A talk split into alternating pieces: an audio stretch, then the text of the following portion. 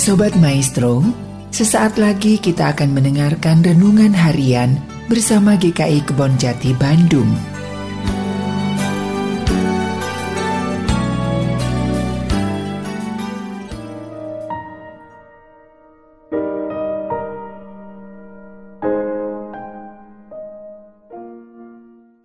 Shalom saudara terkasih di dalam Yesus Kristus. Kembali lagi hadir di dalam Renungan Harian Kebon Jati bersama saya Frida. Dua butir telur.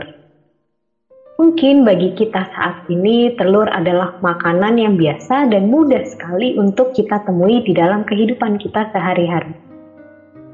Memiliki sebutir telur bukanlah hal yang luar biasa tetapi berbeda jika memiliki telur di saat kondisi yang sedang tidak bagus atau tidak baik.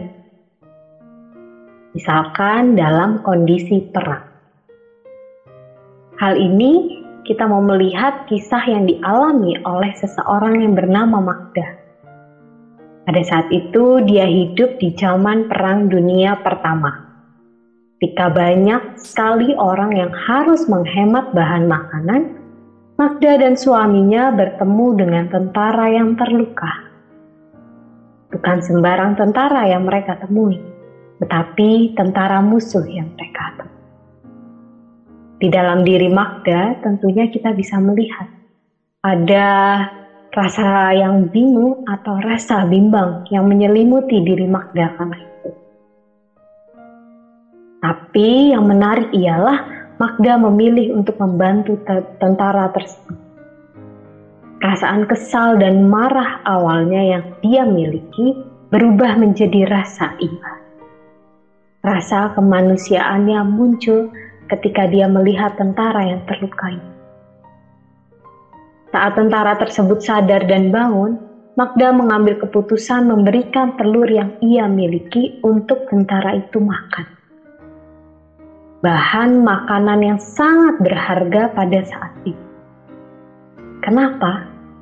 Karena pada saat itu seseorang hanya bisa mendapatkan satu butir telur dalam kurun waktu satu bulan.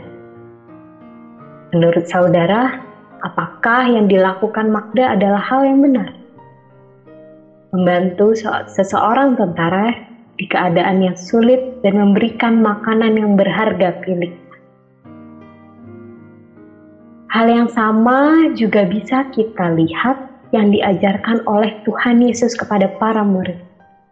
Kisah tentang perumpamaan orang Samaria yang baik hati yang tertulis di kitab Injil Lukas 10 ayatnya ke-25 sampai ke-37. Tentunya kisah yang sudah sering kali kita dengar ada orang yang terluka karena dirampok habis-habisan dan dipukuli sampai hampir mati. Dari kisah ini kita tahu bahwa orang yang hampir mati itu berada di tempat yang tidak aman. Karena banyak sekali penyamun di tempat tersebut. Kemudian pilihan ada di tangan kita. Sama halnya seperti para imam dan orang Lewi memilih meninggalkan mereka meninggalkan dia dengan alasan mereka mau tetap suci. Atau bisa jadi juga mereka mau tetap menjaga keamanan mereka sendiri. Hal ini juga sering kali kita hadapi di masa kini. Ketika ada orang yang kesulitan di tengah jalan, terkadang kita ragu untuk membantu. Bagaimana kalau orang yang kita bantu adalah orang jahat? Bagaimana nanti kalau saya terluka?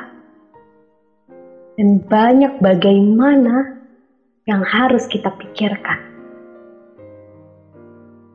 Hal ini tentunya berbeda dengan orang Samaria yang baik hati, yang menjadi tokoh utama dalam kisah ini. Dia berpikir dan berjalan menolong orang yang terluka karena para penyamun.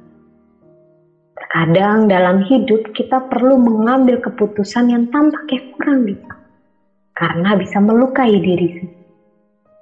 Tapi melalui kisah ini kita bisa melihat juga bahwa tindakan yang kurang bijak diambil dari keputusan yang bijak. Karena bisa saja tindakan yang kurang bijak tetapi diambil dengan keputusan yang bijak menciptakan kasih bagi sesama. Saudara yang terkasih di dalam Tuhan Yesus, selamat mengambil keputusan yang bijak di dalam hidup. Amin. Demikian renungan harian kita pada hari ini. Sampai bertemu di lain hari. Tuhan Yesus memberkati. Amin.